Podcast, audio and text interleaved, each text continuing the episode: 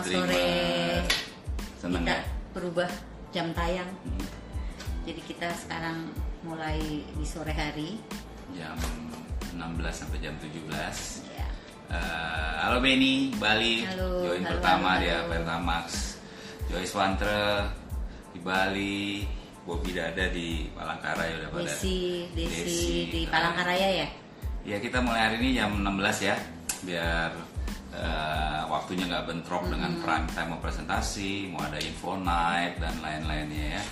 Eh, ini Dokter Wirajaya lagi telepon saya nih. Eh, saya nggak bisa angkat karena HP ini pakai ke situ. Eh, coba mungkin dia udah connect ya. Jadi uh, temen yang kita akan ngobrol hari ini adalah Dokter Wirajaya dan Mama lihat itu aja. Lihat Coba apa? cari. Ah, cari di itunya. Eh, tadi katanya dia akan gabung dengan kameranya mati nggak ya kalau gini? Ini ya. Ah, oke. Ada. Nggak tahu di situ udah berujar. Jadi iya kita akan mulai jam 4 sampai jam 5 sore. Jadi untuk beberapa teman yang di di Halo. Wita ya itu bisa Ya dok, ya ya apa, dok. eh, nonton lagi. Oke, ah, ini Bu Bu Yuli udah join Ah, ini. ini udah join. Bu Pakai Yuli handphone ya. udah join, kita Ah, coba ya itu udah cari ya. Nanti. Bu Yuli, bentar. Hai. Ya sorry, Pak Wirajaya dari telepon HP-nya, HP saya saya lagi dipakai buat live. Ah, ini Nah, ini Halo. Halo. dengeran nggak suara kamu? Kedengaran, Pak? Wah, ini mantap. Mantap, mantap. Apa kabar? Dok, Baik, Pak. Apa kabar? Baik, Sehat, Pak. sehat? Sehat. Sehat, Sehat. Sebelumnya thank you nih buat waktunya. Saya yang terima kasih, Pak. Makasih Pak. Dikasih kesempatan nih sore Iya, sharing-sharing. iya kita kita beruntung banget nih mau ngobrol-ngobrol santai sama Pak Wirajaya dan Ibu Yuli. Hmm. Ya. Eh, apa? Tanya dulu, Mama? Pertama. Eh, mungkin kita mulai dari background ya. Bisa nggak dokter eh, Wirajaya atau Bu Yuli nih yang cerita awalnya dulu mulai bisnis ini tuh eh, background keluarganya seperti apa? Background pendidikan, Pendidikan. masing-masing. Atau mungkin kalau udah ada putra putri itu umurnya berapa? Boleh dikenalkan juga. Ya deh, mulai dari Bu Yuli dulu deh cerita tentang latar belakangnya. Ya. Makasih Bu Devi, Pak Kris. Halo teman-teman yang udah join di IG Live kita di Toast Streamer dengan Pak Kris dan Bu Devi. Terima kasih udah diberi kesempatan nih sore ini untuk sharing. Eh, kalau saya latar belakang eh, dari keluarga yang biasa-biasa aja yang nggak punya latar belakang bisnis. Kemudian saya lahir di Singaraja itu kota yang betul-betul memang panas katanya. Kemudian pendidikan saya SD, SMP, SMA di Singaraja. Kemudian lanjutkan kuliah itu di Denpasar di Sekolah eh, Manajemen Ekonomi di swasta di Stimi Handayani. Nah, itu sebelumnya sih te- tidak ada kepi, ke- apa? Tidak ada eh, pikiran untuk kuliah Denpasar dan orang tua pun menginginkan saya tuh kuliah harus di kota Singaraja. Tetapi saat itu saya ngotot. Ternyata waktu itu akhirnya orang tua mengizinkan. Ternyata kalau dihubungkan dengan bisnis ini itu ternyata impian ya Bu ya.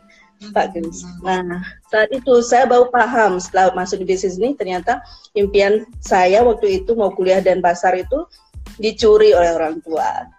Nah, kemudian saya saudara tiga, saya anak paling besar, ada dua adik, laki perempuan, eh, mereka juga udah Denpasar dan sekarang eh, saya ada hanya ibu aja. Eh, kemudian saya sempat eh, kuliah, saat kuliah saya sambil kerja. Nah, waktu itu baru mulai kerja, waktu itu juga baru mulai kuliah, dan saat itu saya berpikir, aduh gimana cara ngatur waktunya. Tapi orang tua saya bilang, udah jalanin aja gitu, gak ada salahnya. Akhirnya saya ngikutin orang tua, akhirnya saya jalanin kerja sampai kuliah, seperti itu Bu. Nah, ya selanjutnya 16 tahun saya kerja. Ya di situ saya mulai ketemu Pak Wir. Gitu. Kerja di mana dulu, Bu? Saya kerja di Aerowisata Catering Service yang ke anak perusahaan dari Garuda yang waktu itu sih keren banget ya rasanya. Saya kerja waktu itu betul-betul waktunya yang setelah saya pikir-pikir, waduh betul-betul nggak nyaman rasanya. Saya kerja sambil kuliah, ngatur waktunya itu betul-betul harus betul pinter banget gimana cara ngatur waktu. Yang waktu itu jam kerjanya juga uh, betul-betul sangat tidak mengenakan. Ba pagi subuh Pak Kris, terus uh, subuhnya itu bukan subuh jam 6, tapi subuhnya itu jam 4. Jam 4 pagi saya harus sudah berangkat, ada di tempat kerja, dan itu pun pulang siang, ya udah sore kerja uh, kuliah seperti itu Pak. Hmm. Itu belum menikah gitu. waktu itu ya? Belum Pak. Saya umur 18 19 tahun. Udah mulai kerja sambil tunggu. Ya, sambil berjalan. Ya, ya. Kalau saya latar belakang uh, dokter spesialis penyakit dalam, Pak. Saya uh, sampai saat ini masih kerja. Lahir di Bali ya? Iya, Pak, di Bali, Pak di Singaraja juga dekat Bu Yuli. Kalau saya latar belakang uh, da, asalnya dari Kintamani Pak, udara dingin. Oh, beda ya. Hmm. Beda. Beda asal. dingin dengan panas Bu. Oh dingin dengan panas ya. Bagus dong jadi hangat. Jadi hangat. Bro, ah, kedokterannya di mana dong? Kalau saya dulu pendidikan sampai SMA saya dari Singaraja, kemudian S1 uh, eh, di Fakultas Kedokteran Brawijaya di Malang. Kemudian saya melanjutkan pendidikan spesialis di Denpasar, Pak. Hmm, Sekarang masih aktif ya, dok ya di kedokteran. Boleh cerita nggak kegiatannya apa tuh yang sekarang? Uh, kalau saya uh, setiap hari dari pagi jam 8 sampai jam 2 saya masih kerja sebagai seorang dokter spesialis di salah satu rumah sakit swasta di Denpasar. Ya, uh, kegiatan kami rutin seperti itu dari pagi sampai siang dan saya bersyukur sekali karena ada di bisnis ini kami bisa mengatur waktu. Akhirnya yang biasanya kita lihat seorang dokter itu pasti akan praktek sore, Pak. Ya, ya, Tapi ya, kami sejak awal uh, saat kami memulai bisnis ini kami udah planning kalau kami tidak akan praktek sore. Oh gitu. Dulu taunya MW dari mana sih? Bu Yuli sama Pak Wirja boleh cerita nggak? Siapa yang kenalin MW, siapa yang presentasi, sponsori? Wah kalau berbicara itu saya berterima kasih sekali sama sponsor saya Pak, Dr. Purwadi dan Bu Nur yang oh, memperkenalkan iya. uh, bisnis yang makin hari saya rasa bisnis ini sangat luar biasa Pak itu tahun sekitar tahun 2003. Kami sedang pendidikan spesialis, kemudian suatu siang kami diundang oleh uh, calon sponsor kami waktu itu, Dr. Purwadi dan Bu Nur untuk uh, datang ke rumah beliau. Tapi pada waktu beliau mengundang benar-benar sistem banget Pak. Beliau tidak mengajak saya untuk ikut MW gitu enggak. Tapi beliau nanyakan uh, pada waktu itu kami diundang ke rumah beliau, beliau sebagai dosen saya, sampai di rumah beliau, uh, singkat cerita, saya diputarkan sebuah video yang menurut saya itu sangat-sangat luar biasa yaitu Pipo Embro Pak. Itu yang membuka pikiran oh. saya. Itu uh, langsung join atau gimana? Langsung positif. Ini pintar sekali pada waktu itu Pak ibaratnya seperti uh, tutup gelas ini dibuka dengan tipe embronya pak. Oh. Jadi kami melihat di sana benar-benar ini yang kami impikan. Ya karena uh, saya sebagai seorang dokter itu memang impian saya pak. Ya sampai sekarang pun saya mencintai profesi itu, cuman sayangnya cara mencari uangnya yang saya nggak suka pak. Hmm. Nah ketika ditawarin tipe embro persis seperti apa yang saya bayangkan itu benar pak. Jadi si Pipo uh, dia pada waktu pagi hari dia mencari air ke Ya, ya. sumber air di bawah kemudian sambil di sore hari di waktu luang dia membangun uh, jalur pipanya itu yang menyebabkan kami benar-benar ini benar-benar luar biasa konsepnya Jadi langsung positif pada saat itu Dokter Wira. Kalau Bu Yuli gimana waktu itu? Apa ikut aja atau mungkin jadi lebih semangat? Kalau saya langsung positif pak. Kalau saya langsung positif karena saya melihat persis itu konsepnya pada waktu itu. Uh, Dokter Purwadi nanya ke saya, uh, apakah kamu join karena saya dosennya gitu dia bilang. Saya bilang enggak pak, enggak dok. Ini benar-benar saya, uh, saya saya lihat konsep yang sangat luar biasa. Nah kalau Bu Yuli karena nggak ikut di presentasi pada waktu itu ya sampai di rumah tentu negatif pak. Boleh cerita nggak Bu Yuli gimana? Gitu, Iya, Pak. kenapa? Iya waktu itu eh, Pak Wiranya nggak nggak cerita kalau waktu itu diundang ke Dokter Purwadi. Cuma dia bilang, e, Mas saya mau ke rumahnya Dokter Purwadi gitu aja. Akhirnya oh ya oke gitu. Akhirnya sampai di rumah dia cerita tadi Dokter Purwadi ini ini ini ini bla bla bla bla. Akhirnya, waduh. Sebenarnya waktu itu kita sebenarnya sudah kepepet banget Pak. Karena apa? Kepepet dalam arti apa nih? Kepepet kepepet Keuangan, keuangan. Keuangan. ya. Iya. Ya, karena saya sedang pendidikan, saya sedang pendidikan spesialis, mempunyai dua anak pada waktu itu, yang kerjanya Bu Yudi. Ya, Oh, karena saya kalau pendidikan itu Dokter Wira nggak dapat penghasilan ya kalau lagi pendidikan. enggak. Kalau Oh, karena saya pendidikan dari rumah sakit swasta, Pak. Jadi Oh. karena pendidikan mandiri, jadi kita tidak tidak dibiayai. Hanya saya dianggap masih sebagai pegawai rumah sakit itu. Eh, jadi benar-benar pada waktu itu yang bekerja adalah Bu Yuli. Hmm. jadi penghasilan Nah, utama itu dari Bu Yuli ya. Dari Bu Yuli, Pak, passive income. Di Dokter Wira. Kerja di mana waktu itu Bu Yuli? Pada saat itu masih di Garuda. di Garuda. Masih Pak, masih saya kerja di situ eh, ya lumayan lama juga. Waktu itu begitu dia HP rumah cerita ada diajak bisnis seperti ini, saya hanya berpikir gini, ini kita lagi eh, betul-betul nggak ada modal dan bagaimana mau bisnis kan itu butuh modal kan itu Pak.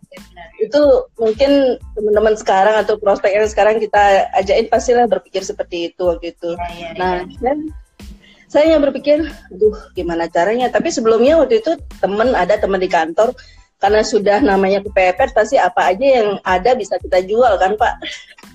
ya, tapi teman nggak eh, pernah ngajakin, yuk ini ada begini, yuk kita jualan ini gitu. Waktu itu pas kebetulan eh, lagi apa seperti tas kayak gitu Pak.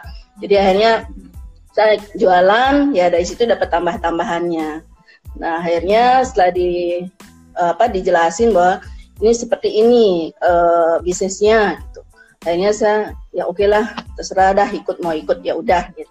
Akhirnya saya diminta tolong waktu itu masih starter kit kan Pak. Akhirnya saya diminta tanda tangan. Ini apa lagi? Saya bilang gitu. saya ingat banget waktu itu pagi mau berangkat kerja, Pak Wiranya minta tanda tangan aja deh dulu. Udah papa aja yang tanda tangan. Saya bilang tuh jangan gitu dong. Ini ini dosen saya ini yang ngajak gitu. Oh, saya ingat banget. Kalau kalau eh, saya lihat dokter Purwadi itu seperti tipe seperti ini nggak mungkin dah beliau akan bohongin kita ya deh tanda tangan aja deh kalau memang eh, nggak nggak nggak setuju nggak apa-apa yang penting setuju tanda tangan dulu akhirnya tapi bagusnya waktu itu Pak Wiranya saya yang jadi pemohon Pak Kris gitu oh, oke. Salah naruh aja Pak waktu itu. saya di saya diminta jadi atas pemohon ya. Iya. gitu Pak akhirnya ya udah sudah suami. Kenapa, Pak? suami kepada istri. Ada Iya. cinta suami kepada istri. iya Pak Boleh Salah satu impian saya, dari Anda yang mulia. salah satu impian saya dulu itu adalah membuat bisnis untuk istri Pak. Ternyata Oh, iya. tercapai impiannya. Tercapai. Iya yang mau positifnya kan. Iya, positifnya setelah waktu itu ada yang namanya kebetulan setelah kami join sebulan pak dua bulan itu ada leadership seminar pak. Oh, oke. Dua minggu, dua minggu katanya. Dua minggu ada leadership seminar ya. Udah gitu akhirnya dokter Purwadi mengundang dokter Wira terus hanya karena tidak punya uang ya udah apa ya yang bisa kita pakai beli tiket akhirnya salah satunya waktu itu ada kartu kredit untung masih bisa digesek akhirnya beli satu tiket aja pak saya nggak nggak mikirin sampai ke sana gitu. Akhirnya pada sesi kedua hari Sabtu waktu itu kan tiga hari ya pak. Sesi kedua di jam yang siang Pak Wiro itu culik saya dari pulang kerja. Nah waktu itu dia bilang ini aja temenin saya aja deh. Eh, kan diundang sama Bu Nur. Purwadi. Bu Nur istrinya Dr. Purwadi seperti itu. Terus aduh saya pulang kerja karena apa kerja pagi subuh kan Pak. Aduh rasanya muka itu sudah sudah lecek banget ya siang-siang kan gitu. Akhirnya ya saya mau datang ke leadership seminar waktu itu di Katika Plaza. Terus ya udah nggak apa-apa bu. Tapi saya nggak ada tiket. E, dok saya bilang itu nggak apa-apa ini ada kebetulan tiket yang orangnya nggak datang gitu. Akhirnya saya masuk. Yang saya lihat ini kenapa rame begini orang seminar? Saya pikir orang ngapain ya? Saya diajak duduk ke depan saya nggak mau pak Kris. Bu Devi udah gitu. Udah bu saya duduk di sini aja. Akhirnya singkat cerita saya dengerin. Masih belum ngeh. Akhirnya sesi kedua sore hari malam. Saya pulang mandi dulu akhirnya balik lagi. Nah di situ saya diajak untuk ayo bu duduk di depan dikit gitu. Akhirnya duduk saya duduk tapi dekat pinggir. Pintu keluar juga sih waktu itu. Akhirnya saya duduk saya dengerin waktu itu pembicaranya orang luar pak uh, udah gitu saya nggak ngerti apa bahasa Inggrisnya yang dia bilang tapi yang saya tangkap waktu itu kok dia punya kehidupan seperti itu terus sampai dia me, apa mengungkapkan bagaimana dreamnya dan sebagainya. Akhirnya saya di situ mulai terbuka. Nah pulangnya itulah besoknya hari Minggu saya datang lagi. Nah setelah de, dari LS itulah kami terus mulai yuk datang ke Dokter Pur, Bu Nur.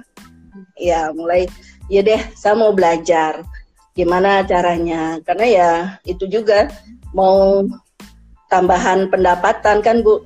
Waktu itu ya betul-betul sih karena Pak Wiro belum mulai kerja gitu.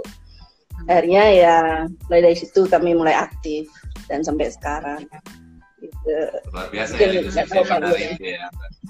Ini ada pertanyaan iya, dari Pak. dokter juga nih dari Jogja nih buat dokter Wira uh, gimana caranya membagi waktu membangun bisnis pada saat waktu itu residen itu tuh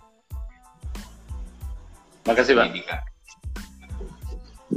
Uh, ya memang kalau dipikir-pikir sekarang rasanya Eh, nggak uh, mungkin kita bisa mengerjakan uh, bisnis ini selagi kita sedang pendidikan uh, spesialis. Tapi kembali lagi pada waktu uh, awal presentasi itu, saya mendap saya ketemu dengan uh, apa yang saya cari, Pak. Yaitu dari uh, PCD Pipo Embro itu yang memang benar-benar ketika waktu saya ngomong-ngomong saya dari dokter umum sampai spesialis nggak pernah praktek sendiri. Jadi saya oh. selalu uh, ada di satu rumah sakit karena saya nggak bisa praktek sendiri. Saya berpikir kalau setiap sore kita uh, keluar dari rumah berarti kita akan uh, menghabiskan waktu. Nah pada waktu residen impian saya itu adalah saya bisa jadi dokter spesialis tetapi supaya nggak praktek sore. Jadi ya memang berat sih waktu itu sih rasanya mengerjakan, tapi karena impian betul-betul Pak. Cara membagi waktunya adalah uh, karena Dokter Purwadi adalah dosen saya, beliau tahu bagaimana kegiatan saya sehingga beliau selalu nyarankan gini, nanti malam jam 9 saya akan ke rumah uh, untuk tugas-tugasnya tolong diselesaikan lebih awal tugas-tugas di rumah sakit. Mm -hmm. ya, jadi saya pulang dari rumah sakit saya langsung kerjain aja Nah, tiba-tiba dokter pribadi uh, datang ke rumah, ya akhirnya kedua-duanya ya selesai pekerjaannya, uh, tugas-tugas dari uh, pendidikan selesai, kemudian juga ketika diajak keluar sama dokter pribadi untuk ketemu prospek juga bisa terus selesai. Mungkin kalau dokter pribadi waktu itu mengatakan uh, tidak memancing kami dengan gitu mungkin juga tugasnya juga nggak selesai juga pak karena jadi Nggak mau, kita ya. harus diselesaikan ya alasan Iya, pasti yang akan keluar kan Gimana Bu Yuli? Iya. pasti alasan yang akan keluar kan Pak aduh Oh, saya masih iya. kerja ada tugas ya waktu kami memulai juga masih ada anak eh, kecil yang nomor dua waktu itu masih umur dua tahun sama seperti Bu Nur waktu itu. Ya saya waktu itu mikir gimana cara yang bagi waktu saya kerja ada bayi kemudian Iya. eh, gimana cara jalankan bisnis. Tapi dengan datang ke LS waktu itu saya bisa belajar gitu, untuk membagi waktu. Terus kemudian ya banyak hal yang kita bisa belajar di LS itu. Itu pak Uh, aku dulu. Uh, aku pengen tanya nih, Dokter Wira Jaya ini kan uh, salah satu dari IBO yang masih aktif membangun bisnis, juga aktif sebagai profesional, gitu, bekerja melayani masyarakat sesuai profesinya. Nah, boleh cerita nggak dok, alasannya apa gitu masih melakukan keduanya dan bagaimana apa ya membagi waktunya gitu? Karena teman-teman ini pasti banyak yang profesional juga seperti dokter, mungkin dia lawyer, atau usaha gitu. Boleh jelasin nggak? cara membagi waktu pak ya sekarang Eh, saya melihat pekerjaan eh, dokter itu ada di kuadran kiri, Pak. Sedangkan membangun bisnis ini adalah di eh, kuadran kanan. Jadi memang eh, dua hal yang berbeda, Pak. Jadi saya selalu eh, menggunakan prinsipnya Pipo Embro dan ketika suatu saat saya sudah tidak eh, aktif lagi bekerja sebagai dokter, tapi saya sudah mempunyai backup income, sudah mempunyai eh, penghasilan yang bisa eh, saya nikmati pada waktu saya pensiun nanti. Itu yang menyebabkan eh, kenapa kami eh, tetap serius melakukan bisnis ini. Untuk profesi saya sebagai seorang dokter itu adalah merupakan impian saya, sehingga eh, saat ini saya tetap masih aktif dulu sebagai seorang dokter.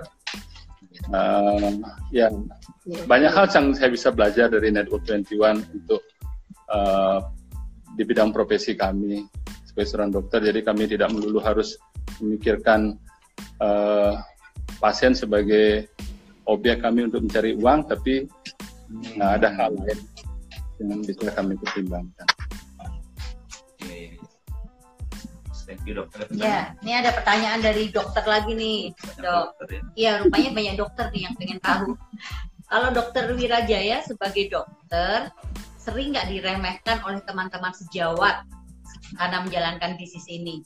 Gimana cara meresponnya? Hmm. Eh, terima kasih Bu. Terima kasih juga pertanyaannya. Eh, sejauh ini eh, jujur saya bilang saya tidak pernah diremehkan oleh eh, teman seprofesi saya Eh, karena saya lakukan bisnis ini benar-benar secara profesional. Kalau di rumah sakit kami benar-benar profesional untuk melakukan bisnis ini. Kami akan lakukan di luar benar-benar di jam di luar jam kerja. Ya. Bahkan seorang perawat atau teman-teman sejawat pun tidak pernah kami prospek di saat kami jam kerja. Karena kami tahu bahwa bisnis ini eh, visinya itu sangat mulia sekali. Jadi kami nggak mau melakukan bisnis ini eh, eh, apa namanya dengan menjelekkan profesi orang lain itu juga kami eh, tidak suka karena Ya. kalau kami sudah menjelekkan profesi orang lain itu sama juga dengan kami menjelekkan profesi MW sendiri Iya. uh, profesi kami di bisnis MW. Jadi kami tetap profesional untuk mengerjakannya. Sehingga uh, kami tidak pernah sama sekali semua orang mungkin di rumah sakit tahu saya adalah IBO MW. Mungkin kalau mereka butuh produk kadang-kadang dok boleh nitip nggak? Atau dokter masih di MW kan? Ya boleh nitip. Tapi saya tidak pernah diremehkan oleh mereka dan Oke. tetap. Iya, iya. Jadi ada pelajarannya tuh gimana supaya tidak diremehkan Kan gitu. kita sendiri harus, profesional, ya dok ya. Iya, kita harus Kalau kita profesional. profesional, Karena di kita tahu Ah, khasnya maka orang nggak akan Gak ada alasan juga gitu untuk meremehkan kita. Iya. Gitu. ada satu lagi aku dulu ya Hmm, Boleh. Eh, salah satu kakinya Pak Wirajaya ini kan adalah Dokter Wantra dan Bu Joyce. Nah, kita, kita pengen tahu gimana dulu cara dapetinnya, karena saya dengar dulu awal-awalnya udah hampir putus asa atau gimana, baru ketemu orang yang tepat tuh. Boleh, boleh cerita nggak dok? Atau Bu Yuli? Ya, uh, beliau berdua adalah orang yang sangat luar biasa. Kami bersyukur sekali bisa bertemu dengan uh, Dr. Joyce dengan Dr. Wanter. Beliau dari dari awal uh, yang saya lihat potensinya itulah Dr. Joyce. Ya, kami kebetulan ya kebetulan waktu menjalankan bisnis CMW, saya juga sebagai uh, ketua residen, ketua uh, dokter-dokter yang sedang berpendid uh, sedang pendidikan penyakit dalam. Artinya mereka tahu saya sedang ya saya mereka tahu kalau saya ada di bisnis CMW, tapi mereka juga tetap respect kok. Nah, saya melihat dokter Joyce sama dokter Wantre ini uh, saya lihat sangat unik. sangat unik. Saya lihat kalau saya bisa kenalkan uh, beliau berdua ini dengan uh, bisnis yang luar biasa ini, mungkin ada sesuatu hal yang akan bisa beliau nikmati. Kemudian itu perasaan saya aja, Pak. Nah, saya sering pinjam-pinjamkan buku ke Dokter Joyce satu tahun sebelum uh, beliau join di bisnis ini. Hmm. Jadi cukup lama. Cuman Dokter Wantro memang nggak bisa dipegang. Pada waktu hmm. itu Dokter Joyce saya pinjamin buku karena saya tanya dia, uh, suka baca buku nggak? Saya bilang itu, oh suka, tuh saya pinjam buku banyak beliau sebelum hmm. satu tahun sebelum join. Satu tahun sebelum hmm. join, oke. Okay. Hmm. Terus gimana tuh ceritanya akhirnya ceritanya bisa disponsori? Apa mereka frontline pertama Pak Wirajaya atau gimana tuh? Nah, kalau diceritakan itu itu baru benar-benar uh, gini. Beliau adalah sebenarnya adalah uh, front front line saya yang paling terakhir pak. Saya udah memutuskan untuk kayaknya ini saya nggak bisa dan jalanin bisnis ini. Hmm. Jadi udah ada udah ada beberapa leg saya di di uh, yang sebelumnya itu kalau nggak salah itu adalah leg ke 23 pak. Wow. wow. Saya masih ingat sekali karena sudah terakhir-terakhir bahkan pada waktu menemukan dokter Joyce sama dokter Wantre, saya kehilangan satu leg yang sangat-sangat banyak yang sudah early bird lebih dari 20 tiket. Beliau nggak mau datang, uh, yang uh, leg saya itu, akhirnya saya punya sisa tiket. Kita jual. Kita jual kepada dokter Joyce sama dokter Wantre. Dan pada waktu itu, pada waktu saya nemukan dokter Joyce sama dokter Wantre, uh, leadership seminar saya waktu itu adalah yang paling tersedikit Pak yang datang. Yang biasanya, oh, yang biasanya banyak yang hadir ini kok kalau nggak salah cuma tinggal bertiga kayaknya dan hmm. begitu datang dokter dia sama dokter Wantre saya juga ya agak ogah jangan-jangan juga nggak aktif lah jadi biarin aja deh gitu iya, iya. Oh yang jadi dia dokter Wantre sama dokter Joyce jadi pada saat itu benar-benar nggak langsung di awal ya. Bahkan nggak sampai 20 itu kami sudah kehilangan banyak lagi iya. Pak. Sudah banyak sekali yang ya. Ya Bu Yuli bahkan leg saya, bahkan leg saya yang keberapa rasanya itu ya, saya udah tawarin, coba deh tawarin dokter Wantri sama dokter Joyce, saya bilang gitu. Nggak mau juga dia, dia datang sendiri aja. Bagus banget loh ini pelajarannya. Ya, Jadi pelajarannya kalau teman-teman hampir menyerah, cepet-cepet sponsori orang aja orang ke leadership seminar aja pinjemin Betul. audio gitu tambah satu lagi tambah yang satu. penting kalau mau menyerah cepet lakukan sesuatu ya benar kita nggak pernah tahu ya gitu. Thank you dok ceritanya bagus. Devi ada pertanyaan? Ada pertanyaan. Belum ketemu? Ya Pak Aristo dulu. Oke. Okay. Dari Bu Yuli deh. Uh, Bu Yuli kan betul-betul apa membangun bisnis dengan anak-anak kecil. Sekarang anak-anak sudah besar, mendampingi suami pada saat lagi pendidikan, jalankan MW. Boleh nggak Bu Yuli cerita sebagai seorang ibu dan istri, gimana sih untuk mendukung suami juga lagi pendidikan di profesinya, tapi ikut jalankan MW juga jaga anak. Sekarang anak-anak udah kuliah semua ya. Gimana Bu? Uh, Wah, nih ada Devi ya nih guys. Yeah. Boleh cerita Bu gimana sebagai seorang ibu dan istri? Uh, sih Pak.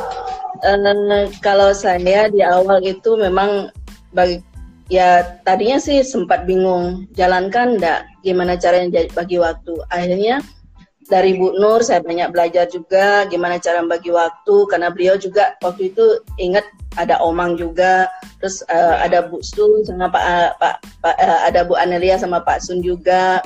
Gimana sih cara yang bagi waktu?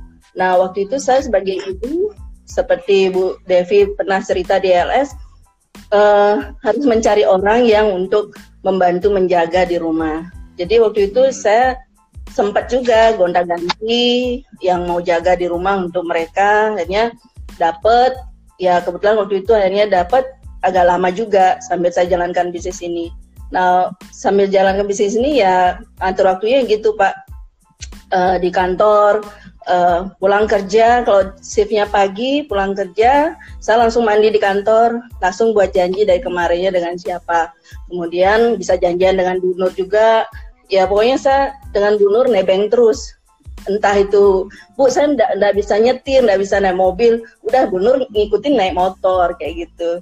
Jadi kalau oh. diingat-ingat ya ya merasa ini juga Pak waktu itu berat juga sebagai seorang ibu. Karena ada anak kecil yang di rumah harus uh, pulang kerja biasanya nyampe rumah kita harus udah uh, sama dia gimana. Karena waktu itu masih juga nyusui kan Nah, iya. kita mau tinggal ke pertemuan, sering, nangis, sering nangis. Sayangnya sama Pak Wiranya sering ribut dulu mau ke infonet atau ke pertemuan. Entah dulu ini masih nenek nih gimana cara ninggalin. Akhirnya lama-lama bisa ngatur waktunya. Kalau mau ke infonet, saya ambil kerja uh, siang atau sore. Nah, karena di tempat kerja ada istilahnya short time. Jadi saya hmm. setiap hari Selasa saya kerja siang, saya talk short time jam 6 pulang, saya mandi, saya ke infonet dulu. Jadi uh, di awal-awal memang susah Pak jadi ibu. Nah sampai di rumah saya telepon udah tidur ya udah. Akhirnya sampai rumah baru kita uh, ya ketemu mereka. Kadang mereka kan udah tidur juga kan Pak. Ya aman-aman aja sih gitu. Jadi kalau sebagai istri waktu itu ya cuma berpikir gitu aja Pak. Apa sih yang dipakai duitnya nih untuk kita bisnis? Tapi waktu itu karena mulai datang diajak ke Infonet setelah LS itu saya baru paham oh ternyata seperti ini jalannya harus dengan uh, sistemnya. Akhirnya saya nebeng terus dengan Bu Nur Dr. Purwadi. Uh, Pak Wiranya juga atur waktu pulang pulang dari uh, rumah sakit beliaunya kadang langsung pergi dengan dokter pur atau pulang dulu kerjakan tugas malam baru pergi. Iya. Nah saya juga hmm. seperti itu dengan Bu Nur. Jadi belajar beauty clinic, belajar uh, presentasi dari beliau sendiri itu banyak menyita waktunya deh. Pokoknya waktu itu saya betul-betul saya pingin karena saya pepet uangnya harus setiap yeah. satu uh, bulan itu pertengahan bulan udah harus uh, wah ini kayaknya nggak bisa nih seperti ini. Akhirnya mulai ada penghasilan dari bisnis MW uh, eh, sedikit walaupun sedikit tapi merasa eh benar juga ya ternyata MW ada uangnya juga seperti itu Pak. Jadi ya kami lanjut terus karena kami ikutin sistemnya, kami ikutin bagaimana Ibu Nur Terpur mengajarkan kami datang ke pertemuannya. Uh, selanjutnya seperti itu. Jadi saya mendukung aja kalau Pak Wiro waktu itu masih uh, studi ya. Kalau memang ada kesibukan di rumah sakit, oke okay, nggak apa-apa lanjut. Saya yang jalan dengan Bu Nur atau Bu Nur lagi sibuk, saya lanjut lanjut dari tempat kantor seperti itu, Pak.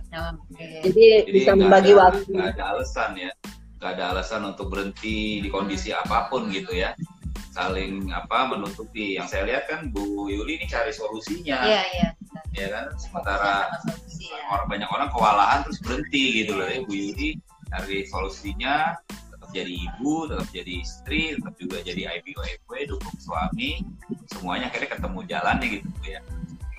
Iya, itu juga dari Bu Nur, Pak Sun, Bu Anelia, Dr. Purwadi itu selalu mengajarkan seperti itu.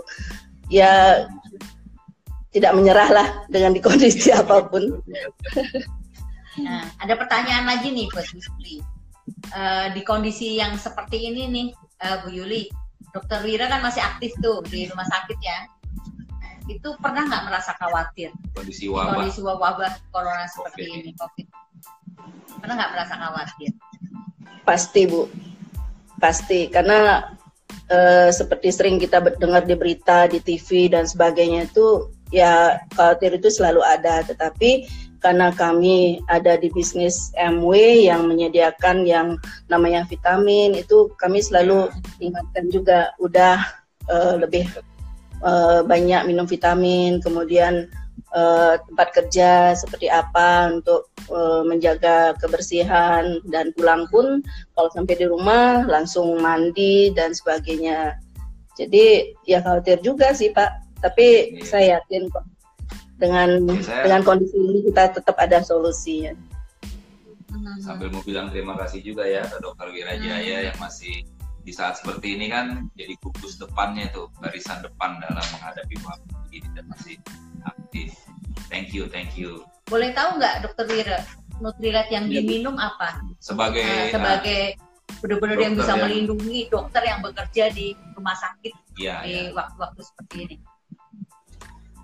Uh, kalau saya karena sudah kebiasaan Bu dari dulu karena saya kebetulan di penyakit dalam tentunya berkaitan dengan penyakit-penyakit infeksi. Jadi pagi hari sebelum baru bangun itu saya selalu uh, protein, kemudian setelah itu saya sarapan uh, double egg, uh, salmon, kemudian BioC. Kalau sekarang di, ditambah lagi BioC, uh, kemudian juga uh, saya biasanya lecithin E. Hmm. Itu berapa kali tuh dok? Siang minum lagi dok? Kalau siang minum bu, malam juga minum lagi. Kalau siang saya tambahin daily, kemudian malam hmm. sebelum tidur saya tambah lagi karena uh, kondisi seperti sekarang benar-benar kita harus mempunyai daya tahan tubuh kita yang sangat bagus. Nah banyak juga kadang-kadang akhirnya pasien bertanya, dok, dokter kan di gugus depan seperti bapak tanya, kira-kira minum apa dok? Saya bilang kalau saya sekeluarga memang minum ini, akhirnya dia pesan juga pak. Oh, okay. Dokter-dokter yang lain gimana dok? Pesan juga nggak? Uh, dokter-dokter yang lain juga akhirnya nanya ke saya vitaminnya pakai apa gitu. Oh saya pakai gini, boleh dong pesan juga gitu. Padahal yeah. sebelumnya ya jarang biasanya dia mau. Oh gitu. Ya? Seperti ya. ya kami uh, khusus untuk Nutrilite saya memang agak hati-hati untuk uh, mengatakan kepada pasien bahwa ini adalah obat. Yeah. Karena kalau seandainya uh, misalnya sering yang kita terlalu over mempromosikan Nutrilite, saya oh ini kalau sudah minum Nutrilite ini uh, kencing manis menjadi uh, teratasi gula darah menjadi ini kami agak sedikit hati-hati memberikan yeah informasi yang seperti itu karena seandainya nanti dia sudah minum Nutrilite kemudian gula darahnya masih tinggi itu menjadi bumerang buat kita.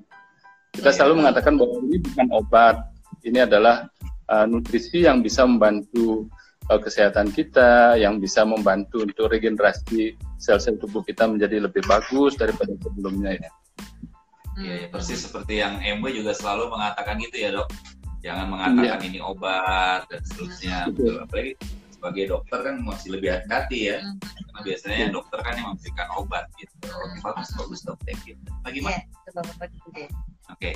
uh, saya mau tanya sekarang ini kan dokter Wiraja dan Bu Yuli juga punya grup di Sumba nih yang jaraknya cukup jauh lah dari Denpasar itu gimana tuh cara komunikasinya di kondisi saat ini atau gimana cara membangunnya sih dengan kesibukan sekarang punya grup. Selain di Bali ada di, sampai di Sumba juga. Di Sumba Timur ya?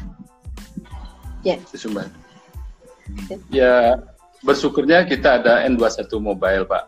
Dan begitu juga dengan kalau masalah uh, produk itu lebih banyak Bu Yuli ada berperanan untuk di Sumba ya, Pak. ya. nanti Bu Yuli ya, ya uh, Bu Yuli mengkolek untuk uh, apa keperluan teman-teman di Sumba. Karena memang benar-benar untuk pengiriman produknya uh, itu agak sulit, mungkin lebih sulit dibandingkan ke Flores, Pak.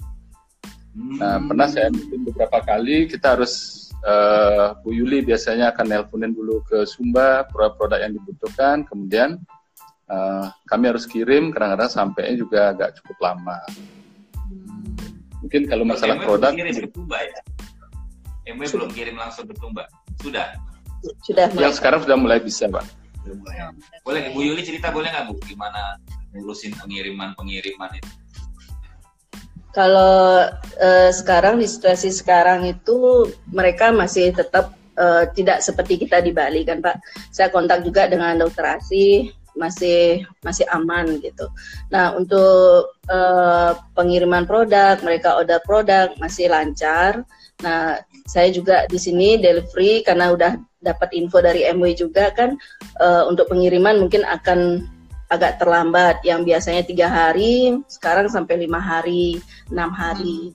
Jadi mereka di situ uh, saya beritahu dulu apakah bersedia atau mungkin ah nanti aja gitu tapi mereka ya nggak apa-apa gitu jadi order itu kami kontak dengan dokter ASI dan dokter uh, untuk sekarang itu uh, saya kirimkan uh, dari MW kan ada kalau misalnya mau nonton uh, eh, mau no dengarkan namanya training uh, baru tadi saya lihat oh, dikasih aplikasi uh, dari Zoom kayak gitu. Jadi Nah, kami tetap info, kami tetap info bagaimana dengan situasi sekarang ini teman-teman di sana tetap menjaga kesehatannya, kemudian ya menjaga bagaimana selalu lebih aware lagi untuk masalah kesehatan dan vitaminnya.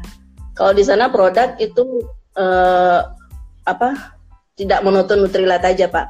Jadi apa, yang paling laku di sana itu uh, apa ya personal care. personal care banyak mereka personal care kemudian artistry mulai sekarang baru mulai lebih banyak lagi order dengan adanya pakai skin analyzer itu Bu Devi.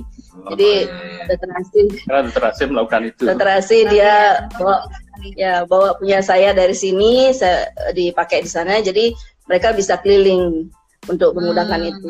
Ya, ya, ya. Kemudian Wah, kalau Nutrilite, Nutrilite lumayan juga karena dokter AC kan sudah mungkin karena dari kesehatan jadi lebih lebih banyak sudah bisa jelasin sana. Hmm. itu sih Bu. Ya, ini ada pertanyaan nih yang saya juga pengen tahu jawabannya dari Eva, dari dokter Eva. Apa rahasianya dokter Wira uh, gak pernah ubanan? Waduh. Nyindir saya kayaknya. Ya dokter juga pengen tahu nih rahasianya. Nggak ada rahasianya Pak. Mungkin sudah itu gini genetik aja. Oh, genetik. Jadi nggak ada rahasianya ya. Nggak ada rahasianya. Dilatnya apa supaya nggak ubah. Tapi ya. protein. Tapi kalau saya ya, protein memang protein green tea itu memang uh, menjadi kewajiban kalau pagi rasanya kalau belum minum protein green tea saya nggak akan makan apa-apa dulu. Oh, Jadi saya selalu okay. pagi. Selain all plan harus minum green tea juga ya. Mungkin ini putih gara-gara all plan ya dok ya.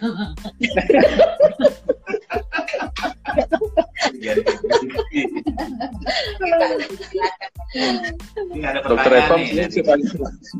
Dokter Eva bisa tanya langsung.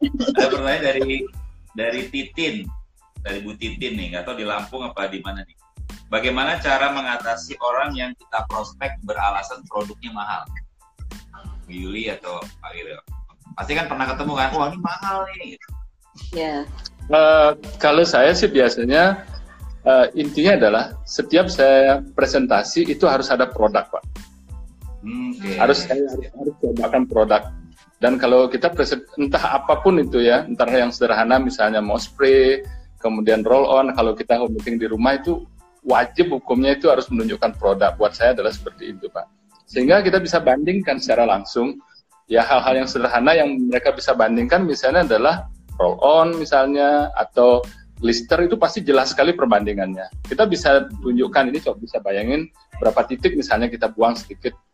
Itu pasti mereka akan akan bisa melihat. Nah, kemudian juga produk-produk yang lain seperti uh, lotion kan itu bisa dicoba langsung Yeah. Hanya kita spesifik ya. Jadi dengan seperti itu mungkin mereka tidak akan mengatakan bahwa produk ini mahal. Hmm. Nah untuk khusus untuk Nutrilite, saya mempelajari, uh, saya juga mencari data untuk vitamin-vitamin yang ada di rumah sakit.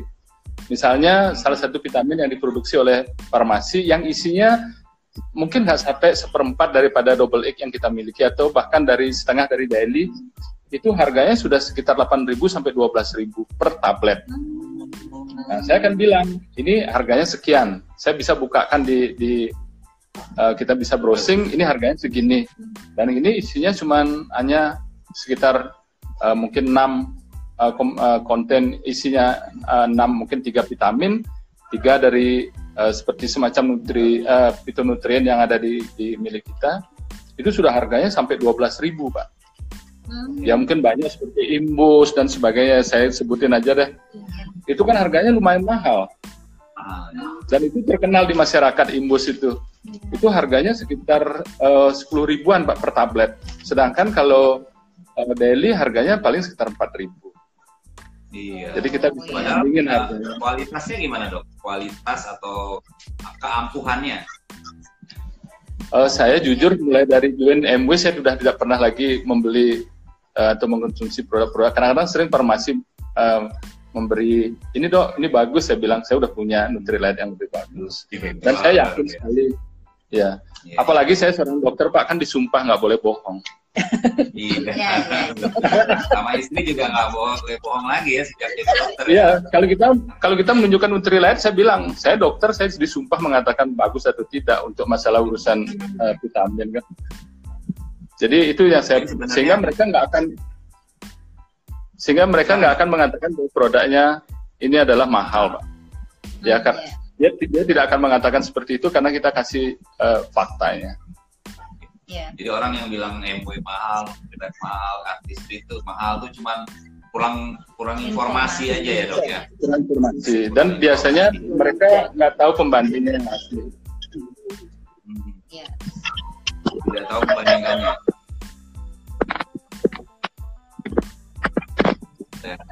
sini Nah, ada gangguan teknik. Oke, okay, ya. teknik nggak apa-apa. Tapi oke okay, kok, masih kedengaran okay, masih kedengaran suaranya. Telepon masuk.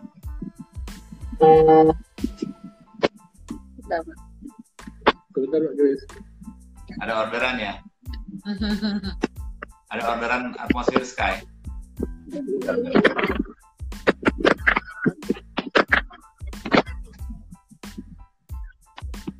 Tunggu dulu nih. Jadi Udah, Pak. Udah? Siap, Pak. okay. jadi, jadi intinya Pak, kalau kita tahu informasi pasti kita bisa jelaskan. Jadi produknya nggak bisa dikatakan mahal. Ah, gitu. iya. betul, Ada Pak. pertanyaan juga nih.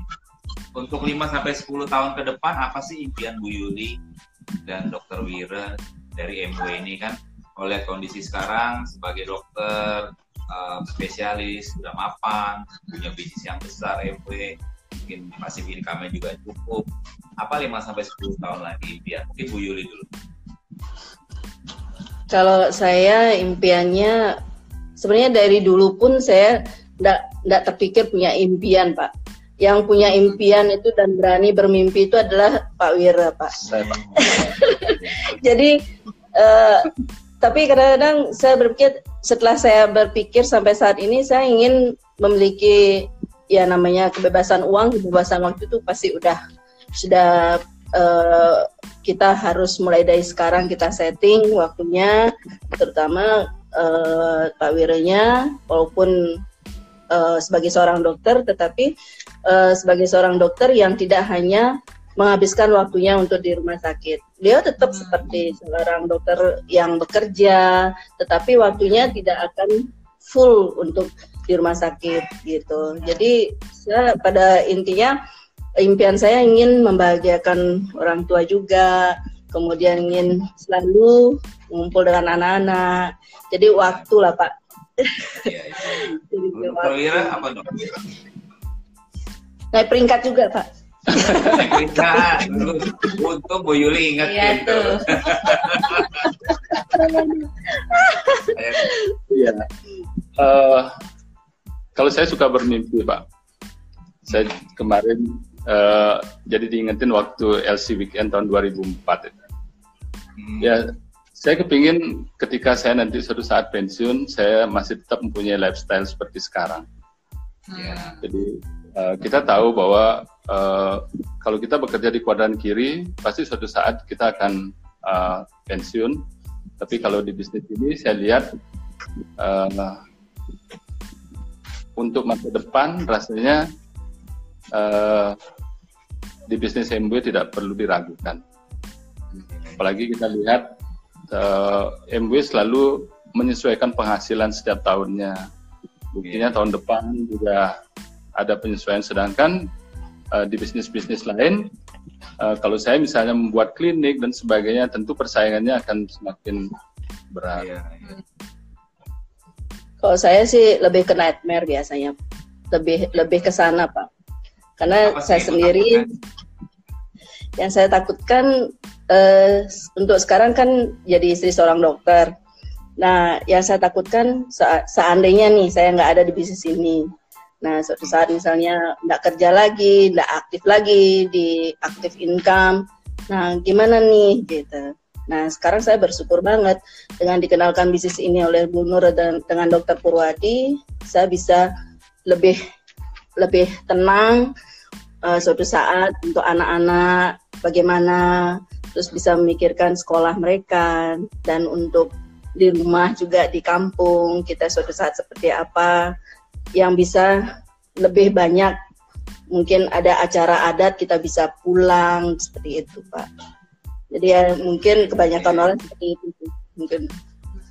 Saya mau tanya nih kan uh, Pak Pak Wirajaya Bu Yuli juga udah sering dapat trip dari MW itu. Pernah ke Afrika South Afrika pernah kemarin ke Dubai. Dan juga pasti juga sering liburan sendiri sama keluarga ke luar negeri. Boleh sharing nggak gimana sih perasaannya kalau jalan-jalan sama MW gitu kemarin ke Dubai misalnya? Uh, ya tentunya kalau perjalanan dengan MW ya sangat menyenangkan Pak karena kita uh, dibiayai semua, kemudian juga perjalanannya yang first class. Nah, kalau perjalanan dengan anak-anak itu adalah biasanya uh, kami menyisihkan uang-uang bonus kami dari bonus MW, kemudian kami udah biasanya buat uh, kesepakatan karena saya paling senang sebenarnya kalau berjalan itu bersama keluarga semua. Hmm. Jadi, dan saya juga belajar dari. Pak Kris Bu Devi uh, trip one uh, apa namanya one on one trip itu adalah kami benar-benar saya belajar karena kami harus membangun hubungan dengan anak-anak apalagi anak-anak yang semakin remaja mereka biasanya agak lebih sulit untuk diajak bepergian tapi syukurnya kami ada di bisnis ini kami jadi banyak belajar uh, tentang ya. ya terutama dengan anak perempuan lagi kata-kata bapak yang sangat luar biasa itu yang selalu saya ingat bahwa seorang bapak dia tidak akan bisa memegang tangannya dalam waktu lama tapi dia bisa memegang hati yang untuk selamanya. Jadi hmm. uh, cerita nggak? Tadi mungkin belum cerita ya, ya putra putrinya. Namanya siapa? Iya, iya, berapa silakan silakan. Saya mempunyai tiga anak. Yang pertama dia itu sekarang uh, sudah koas di kedokteran gigi di Brawijaya. Kemudian yang kedua Bayu, itu kedokteran di Polres Kedokteran Udayana. Yang ketiga Devi, itu masih kelas 6 SD. Sekarang mau nyari SMP. Iya bu. Saya gendong-gendong dari lahir tuh ya dari bayi. Iya bu. Iya bu. Saya juga menamakan Devi dulu, Devi Amelia itu karena saya minjam namanya Ibu Devi dan oh, gitu. Amelia karena kami. Terima kasih ya dok. Iya. banget loh saya namanya dipakai. Kemudian Amelia itu karena AM itu adalah MW, Lia itu adalah Yulia. Oh gitu, kita baru tahu ya. Amelia itu AM-nya MW, ininya Yulia. Ya. Keren, keren, keren. Ya, Semoga semua sehat-sehat ya. Iya. Gimana, Waktu Bu? selama selama hamil Devi juga itu memang betul-betul lagi kejar gol juga sampai waktu itu hmm. akhirnya uh, di Safir kan Pak. Nah saya hamil besar pun masih masih jalan sampai hmm. ya kadang-kadang sama sama Dea juga gitu. Jadi oh, waduh betul perjuangannya deh begitu. iya Pak. Jadi siapa pun perjuangannya itu memang, memang harus ada harga yang harus dibayar ya. Iya iya benar. Uh, boleh cerita nggak uh, atau uh, Bu Yuli uh, perjuangan yang paling berat tantangan yang, tantangan yang paling berat yang di bisnis ini yang pernah dialami apa? Uh, masing-masing ada fasenya Pak.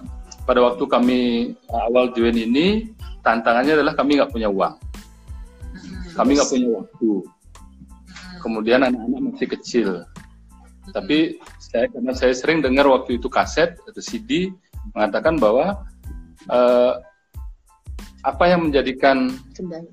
kendala sebenarnya itulah menjadikan alasan kenapa kita harus serius melakukan bisnis ini. Nah, Ya. Pada waktu saya nggak punya uang, karena nggak punya uang lah saya melakukan bisnis ini agar saya punya uang. Nggak punya waktu, karena nggak punya waktu lah saya melakukan bisnis ini agar saya punya waktu. Itu kendala pada waktu saya waktu memulai bisnis ini. Nah, Ya tentunya banyak pada waktu pas awal.